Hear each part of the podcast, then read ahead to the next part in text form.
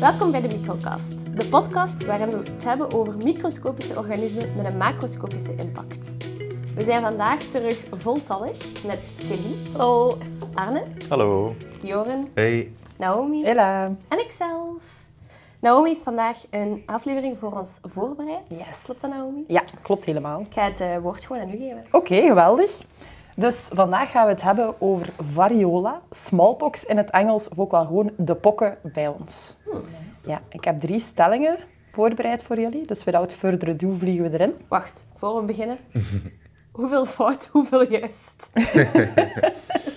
Oké, voor de duidelijkheid, we hebben hier twee juiste stellingen, één foute Oké, oké, oké.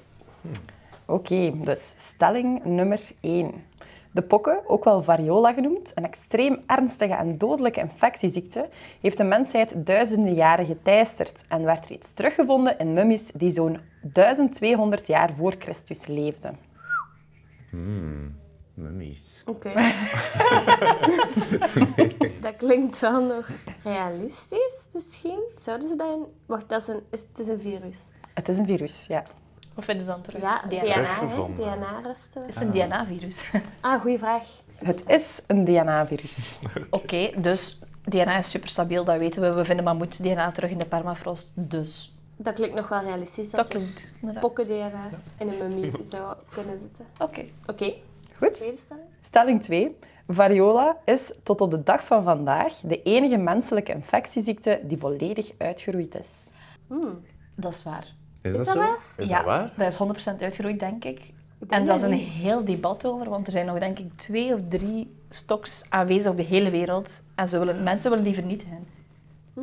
Ik dacht dat je als kind nog altijd de pokken kunt krijgen. Ja, waterpokken, windpokken. Maar Ja, Niet maar niet dezelfde niet, de, ziekte niet dezelfde. Hè? Ah, oké. Dus er zijn verschillende soorten pokken. Ja, ja, Ja. Ik denk dat dit echt een super lethal virus is. Dit is de pokken waar dat we allemaal voor ingeënt worden. Als, maar als het echt Ja. weg zou zijn, waarom worden we er nog steeds voor ingeënt? We worden niet meer ingeënt, denk ik. Oh. Ons, ik weet gewoon omdat onze ouders hebben zo vaak op hun. En dat is voor de pokken en wij hebben dat niet meer. Ja, ze hebben inderdaad vaak zo'n litteken Ja. arm. En ik dacht dat Ah, dat voor de pokken Is was. dat van Ja, klopt wel, inenting, klopt wel. dat litteken? Ja. Ja.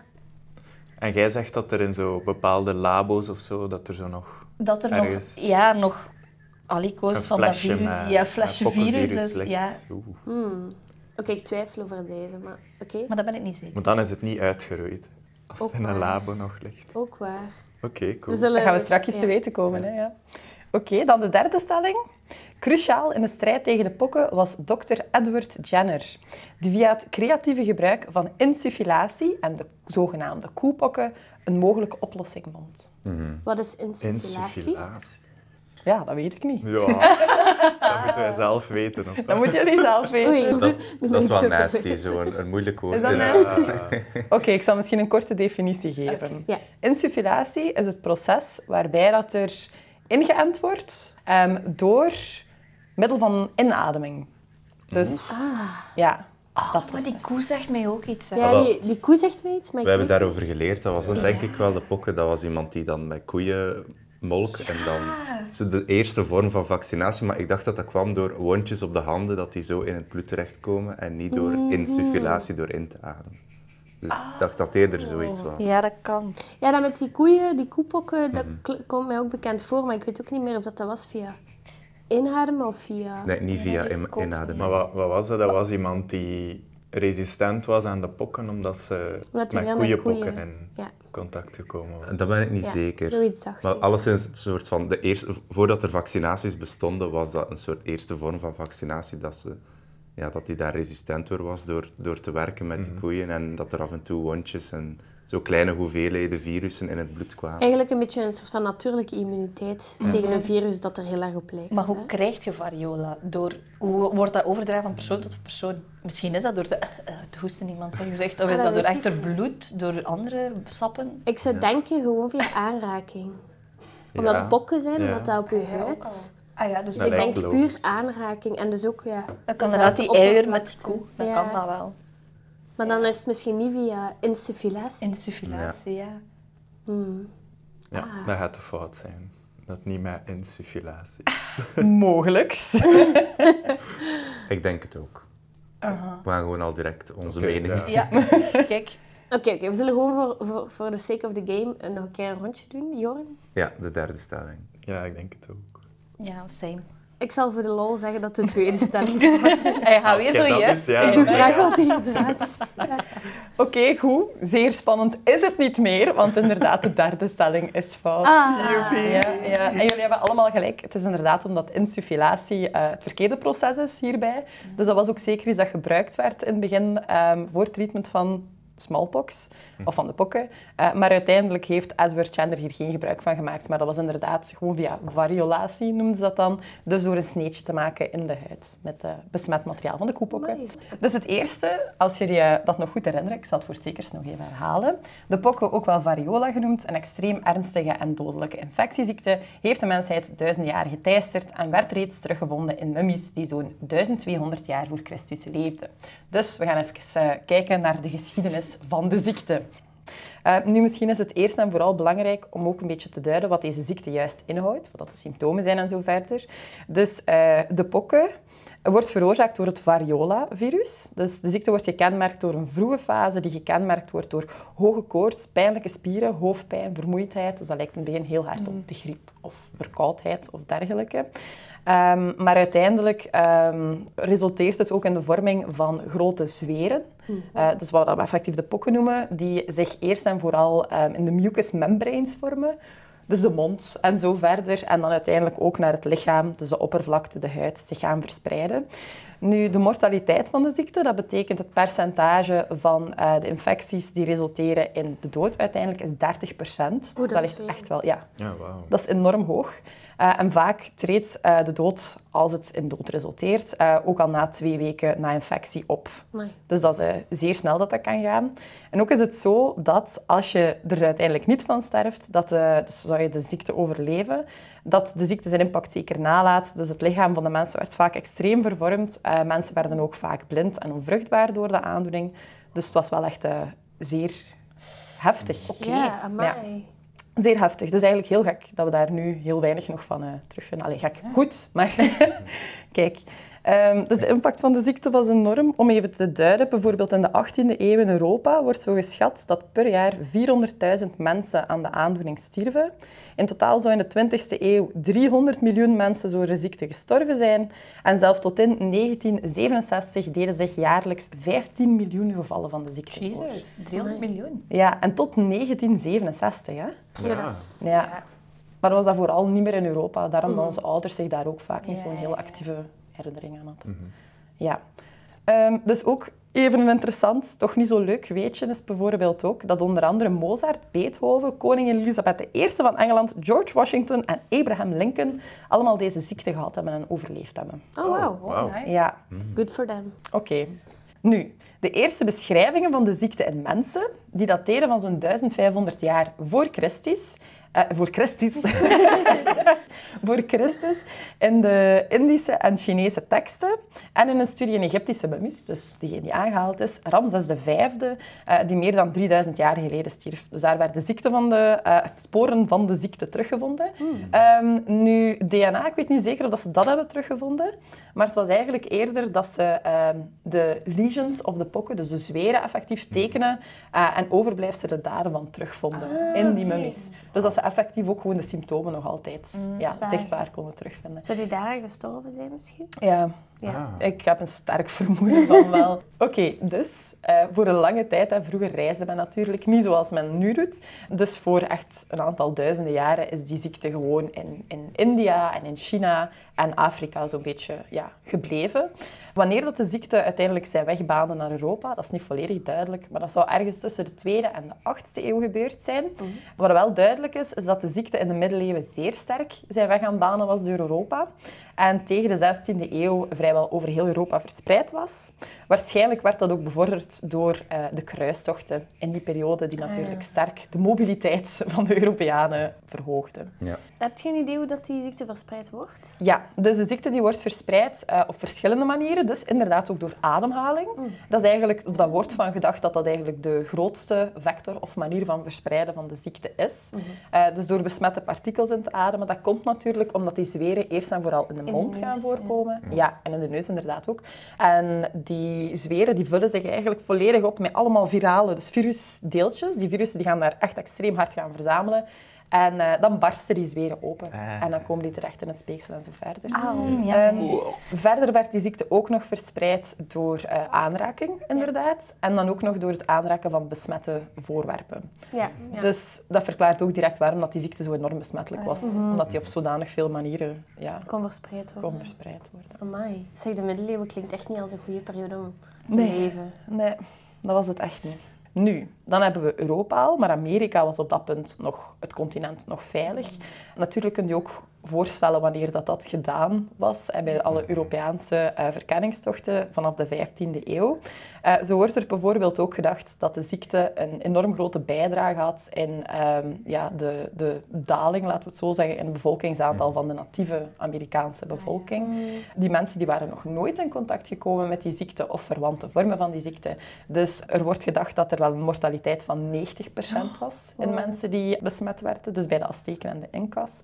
En idem wordt gedacht dat in dus Australië uiteindelijk het eh, rond een bepaalde tijdsperiode de leidende doodsoorzaak was van de aboriginal populaties. Amai. Ja, dus zo is eh, uiteindelijk... Onze voorouders waren echt jerks. Ja, echt wel. Nou, dat wist Echt wel. wel. Ja. Ja. Maar ja, soms konden ze er misschien niet aan doen. Ja, ze wisten het ook allemaal. Ja. Mhm. Aan dat deeltje konden Dat deel konden ze niet veel doen. dus, Het eh, koloniseren en het uitmoorden, dat is een Ja. ander verhaal. Maar... Ja. Aanvankelijk denk ik maar. dat dat inderdaad geen, ehm, ja, niet expres niet was. gepland was. Maar uiteindelijk werd dat ook gebruikt, zoals de pest, hè, in eh, biologische oorlogsvoering. En dat was toen eigenlijk al het geval, omdat ze door hadden, ja, we hebben hier te maken met een ziekte die besmet wordt van persoon tot persoon. En dan zouden ze bijvoorbeeld aan populaties besmette dekens geven of aangeraakte dekens, Maar of weet ik wat. Echt? Ja, Dat Dus wel jerks. Ja. om op die manier oorlog te Dat is gaan. wel zot. Je denkt zo aan biologische oorlogsvoering als iets heel modern, maar blijkbaar Iets wel Nee, in de middeleeuwen. Inderdaad. Maar daar is nu ook nog angst voor. En dat komt allemaal neer op die twee stammen die bewaard worden. Daar Ah. Celine volledig gelijk in had, maar daarover ook Oh. strakjes meer. Al eventjes eh, een mond droppen. Oké, dus ja, dat was het zo ongeveer voor de geschiedenis. Ja. Dus op dat punt hadden we inderdaad de hele aarde die te maken kreeg met smallpox voor nog een aantal eh, honderden jaren. En dan, de stelling 2, dus variola, is tot op de dag van vandaag de enige menselijke infectieziekte die volledig uitgeroeid is. Dus dat is volledig waar. Maar heel veel hangt af, zoals Arne ook al had aangehaald, op wat dat de definitie van uitgeroeid juist is. Het is namelijk zo, de ziekte is zeker nog aanwezig op aarde. Dus zoals Celine gezegd heeft, er zijn nog twee stoks aanwezig. Kan niemand raden in welke twee landen... Amerika en Rusland. Ja. dat verklaart ook meteen waarom dat de angst voor biologische oorlogvoering er nog in zit, omdat dat natuurlijk niet altijd de beste vriendjes geweest zijn, Amerika en Rusland. Er wordt ook nog altijd veel onderzoek op gedaan, maar voor elk onderzoek moet je een goedkeuring krijgen van de Wereldgezondheidsorganisatie. Dus dat loopt allemaal enorm gereguleerd. Liefst. Ja. Nu, het is wel zo, interessant weetje on the site, dat het de enige menselijke infectieziekte is die volledig is uitgeroeid. Maar er is ook nog een andere ziekte die volledig is uitgeroeid, maar dat was eh, de runderpest. Ah ja. Ja, die is ook volledig uitgeroeid. Goed voor de runderen. Ja, goed voor de runderen, dat denk ik dan ook. En voor variola dan meer specifiek was het laatste geval dat zich voordeed in 1977 in Somalië. En de ziekte werd uitgeroepen als officieel uitgeroeid in 1980. Hoe, hoe komt het eigenlijk dat die ziekte eerst zo aanwezig was en dan ineens op een paar of honderd jaar of plots niet meer bestaat? Wel, dus dat is inderdaad een goede vraag. En dan zou je kunnen koppelen aan waarom kon de, konden de pokken zo gemakkelijk, tussen aanhalingstekens, hè, uitgeroeid worden en andere ziektes bijvoorbeeld niet. En dat heeft veel te maken met de specifieke karakteristieken van de ziekte. Dus een van de aspecten is bijvoorbeeld, kan je de ziekte symptomatisch gemakkelijk herkennen of niet. En voor de pokken was dat zeker het geval, omdat hij echt wel die kenmerkende eh, symptomen had. Dus dat zorgt ervoor dat het relatief gemakkelijk is om op te sporen en quarantaine en dergelijke meer. Eh, daarnaast is het ook zo bij de pokken dat er geen eh, niet-menselijk reservoir is. Wat wil dat zeggen? Eh, alleen maar mensen kunnen er ziek van worden en alleen maar mensen kunnen drager zijn van de ziekte. Oké. Verder heeft het ook, ah, is dat ook afhankelijk buiten de, de symptomen van de ziekten en de eigen, ja, de, de wetenschappelijke kenmerken, om het zo te zeggen, is het ook heel afhankelijk van de sociologische aspecten en poli- politieke aspecten. En voor eh, de pokken te bestrijden kun je echt wel zeggen dat eh, de hele wereld heel goed heeft samengewerkt. Oké. Ja, dus dat was eigenlijk wel eh, iets heel mooi dat verwezenlijkt werd toen. Toch een beetje wereldvrede. Toch een beetje wereldvrede daar. En Ja. het vaccin was dan ook heel effectief daartegen of zo? Ja, dus het vaccin was ook enorm effectief daartegen. En uiteindelijk ook eh, een relatief veilig vaccin. Ja, zo gaat weer zo'n lampje in mijn hoofd op. Ja. Zo van iets dat ik, eh, ik dacht inderdaad dat dat vaccin, dat ze nog die stocks hadden, omdat ze nog onderzoek wilden doen, dat dat vaccin toch, het is echt immens klein, maar toch dodelijk zou kunnen zijn. Ja, ja. Dus het kan zeker dodelijk zijn, maar het was relatief veilig als je het vergelijkt met de mortaliteit van de ziekte. Ah, wel, ja. Ja. Dus naar die tijdsnormen, natuurlijk naar onze tijdsnormen nee, maar naar die tijdsnormen was dat ja. Ja, want nu zou dat niet meer mogen, dat vaccin. Absoluut niet. En dan zo windpokken en waterpokken en zo, hoe zit dat daar dan mee? Is dat dan een andere soort? Of? Goeie vraag.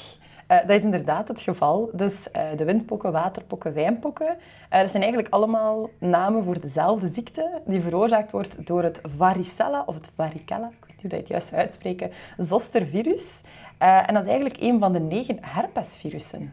Ah, Ja, dus dat is niet gerelateerd. maar wacht, zeggen nu dat windpokken en waterpokken en wijnpokken allemaal hetzelfde zijn? Volgens azturnhout.be is dat zeker het geval, Oké, Marion. Ja, dat vind ik wel interessant. Waarom wijnpokken? Het is misschien afhankelijk waar je ze krijgt of zo. Ja, Lijkt dat wij een koortsblaas ook een koortsblaas noemen, maar dat eigenlijk ook gewoon. Herpes is. Voilà. ja.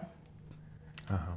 En ziektes kunnen zich op verschillende manieren manifesteren. Ook, Ja, ja, en dat ze dat oorspronkelijk drie verschillende, als drie verschillende ziektes aanzagen, maar dat ze dan ontdekten dat het eigenlijk hetzelfde virus was. Maar wacht, dus windpokken, waterpokken, wijnpokken, allemaal hetzelfde, is een herpesvirus, maar variola is dat niet, hè? Dat is eigenlijk een andere familie. Ja, Ja. variola is een andere familie. En waarom noemen ze het dan ook pokken? Eh, Omdat je ook zweertjes of zo Ja, ze lijken heel sterk op elkaar en het heeft eigenlijk een heel lange tijd geduurd voordat mensen ook effectief door hadden dat dat twee verschillende ziektes waren. oké, oké.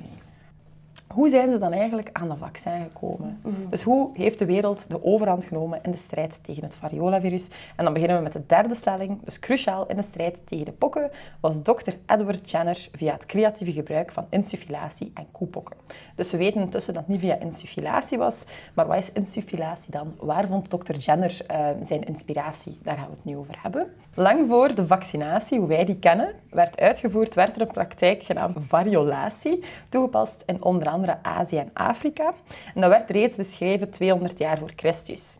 Dus hierbij werd een kleine hoeveelheid van de zweren van mensen met de pokken overgebracht naar de huid van gezonde mensen om resistentie tegen de ziekte op te bouwen. Nu, dat, ja, wel. Ja, klinkt wel wat vies. Maar ja, kijk, je doet what you have to do, toch? En ehm, dat vormt ergens eigenlijk al het basisprincipe van vaccinatie. Aangezien dat je hier een gecontroleerde blootstelling gaat gebruiken om het immuunsysteem eigenlijk als het ware voor te bereiden wanneer het blootgesteld wordt aan de echte dreiging. Dus dan herkent het zijn vijand. Ehm, wel was deze vorm een pak risicovoller dan vaccinatie, hoe dat we die nu kennen. Een mortaliteit eh, of sterftepercentage tot wel 2%. Toch een pak lager dan de 30% van de ziekte zelf. Ja. Maar nu zouden we dat niet meer Nee. moeten doen. Dus verder werd er ook in China een variant van variolatie beschreven in de 16e eeuw. Dus het daarnet aangehaalde begrip van insufflatie, waarbij materiaal van de zweren werd gedroogd, gemalen en in de neusgaten van gezonde Oh. mensen werd geblazen. ja, dus dat was met een lange stok. en een dokter aan de ene kant, dat materiaal van die zweer in die pijp en dan... oh. Dat klinkt als zo'n risicovolle manier. dat was het ook. Dus Hoe zat dat met die koeien? Goeie, komen straks. ja, ja, ik heb eh, een serieus verhaal voor jullie alle voorbereid. Oké, dus. Ehm, ook een verder noemenswaardige bijdrage werd geleverd door Johnny Notions. He had the notions, dus eigenlijk. Uit Schotland. Dus op het einde van de 1780s. Eh, dat was een man die zelf geen medische training had genoten. En die had op zichzelf eigenlijk ook een bepaalde manier van vaccinatie ontwikkeld. Eh, hierbij werd er materiaal van de zweren gedroogd, begraven voor acht jaar, vervolgens met een mes in de huid van de mensen gesneden. Dus echt, ja, op die manier. En daarna werd er een blad van een kool overgelegd. Van kool, zo specifiek ook. Dus ongelooflijk innovatief, maar uitermate succesvol. En er wordt gezegd dat die man geen enkele patiënt verloren zou hebben. Amai. Ja, dus ja, Zou dat koolblad daar echt iets mee te maken hebben? ik weet het niet. Waarschijnlijk niet, maar... Hoewel, misschien wel. Of- we kunnen zeggen. naar mijn mama, ze gaat dat zeker weten. Of het begraven, dat virus dood is na acht jaar of zo. Ja, Dat je eigenlijk een dood virus toepast. En dat je enkel zo nog wat aan de eiwitten, antilichamen Ja. krijgt. Ja. Of zoiets. Hebben we al gezegd wat Edward Jenner gedaan heeft? daar gaan we nu komen.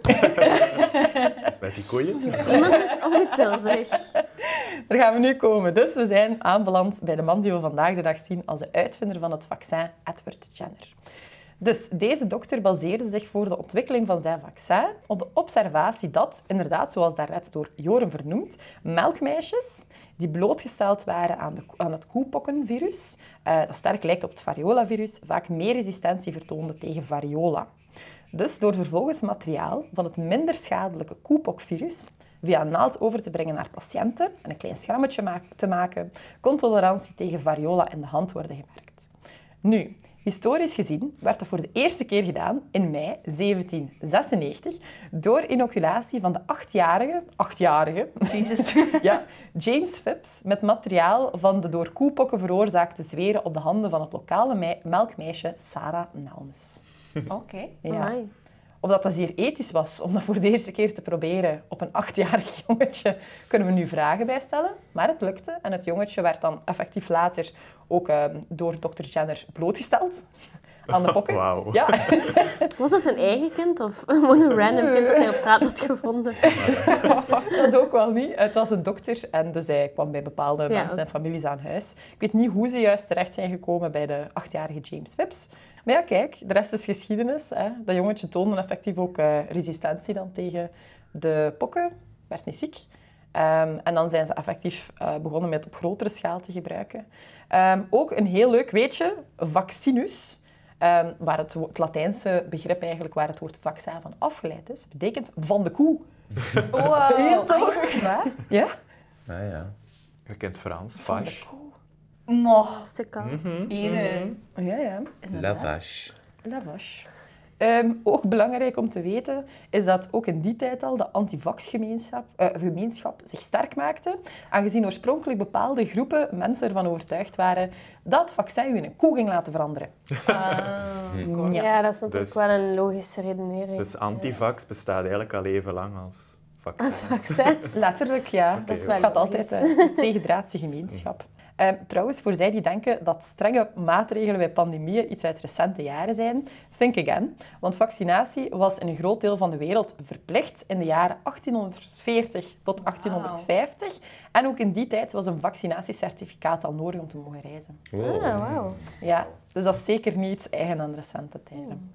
Dus, terwijl de ziekte in sommige Europese landen dan reeds in 1900 was uitgeroeid, dus daarom dat onze ouders zich daar vaak niet zo bewust van zijn, en wat er allemaal gebeurd is, duurde het nog 50 jaar eer dat er globaal meer solidariteit en beschikbaarheid van het vaccin was.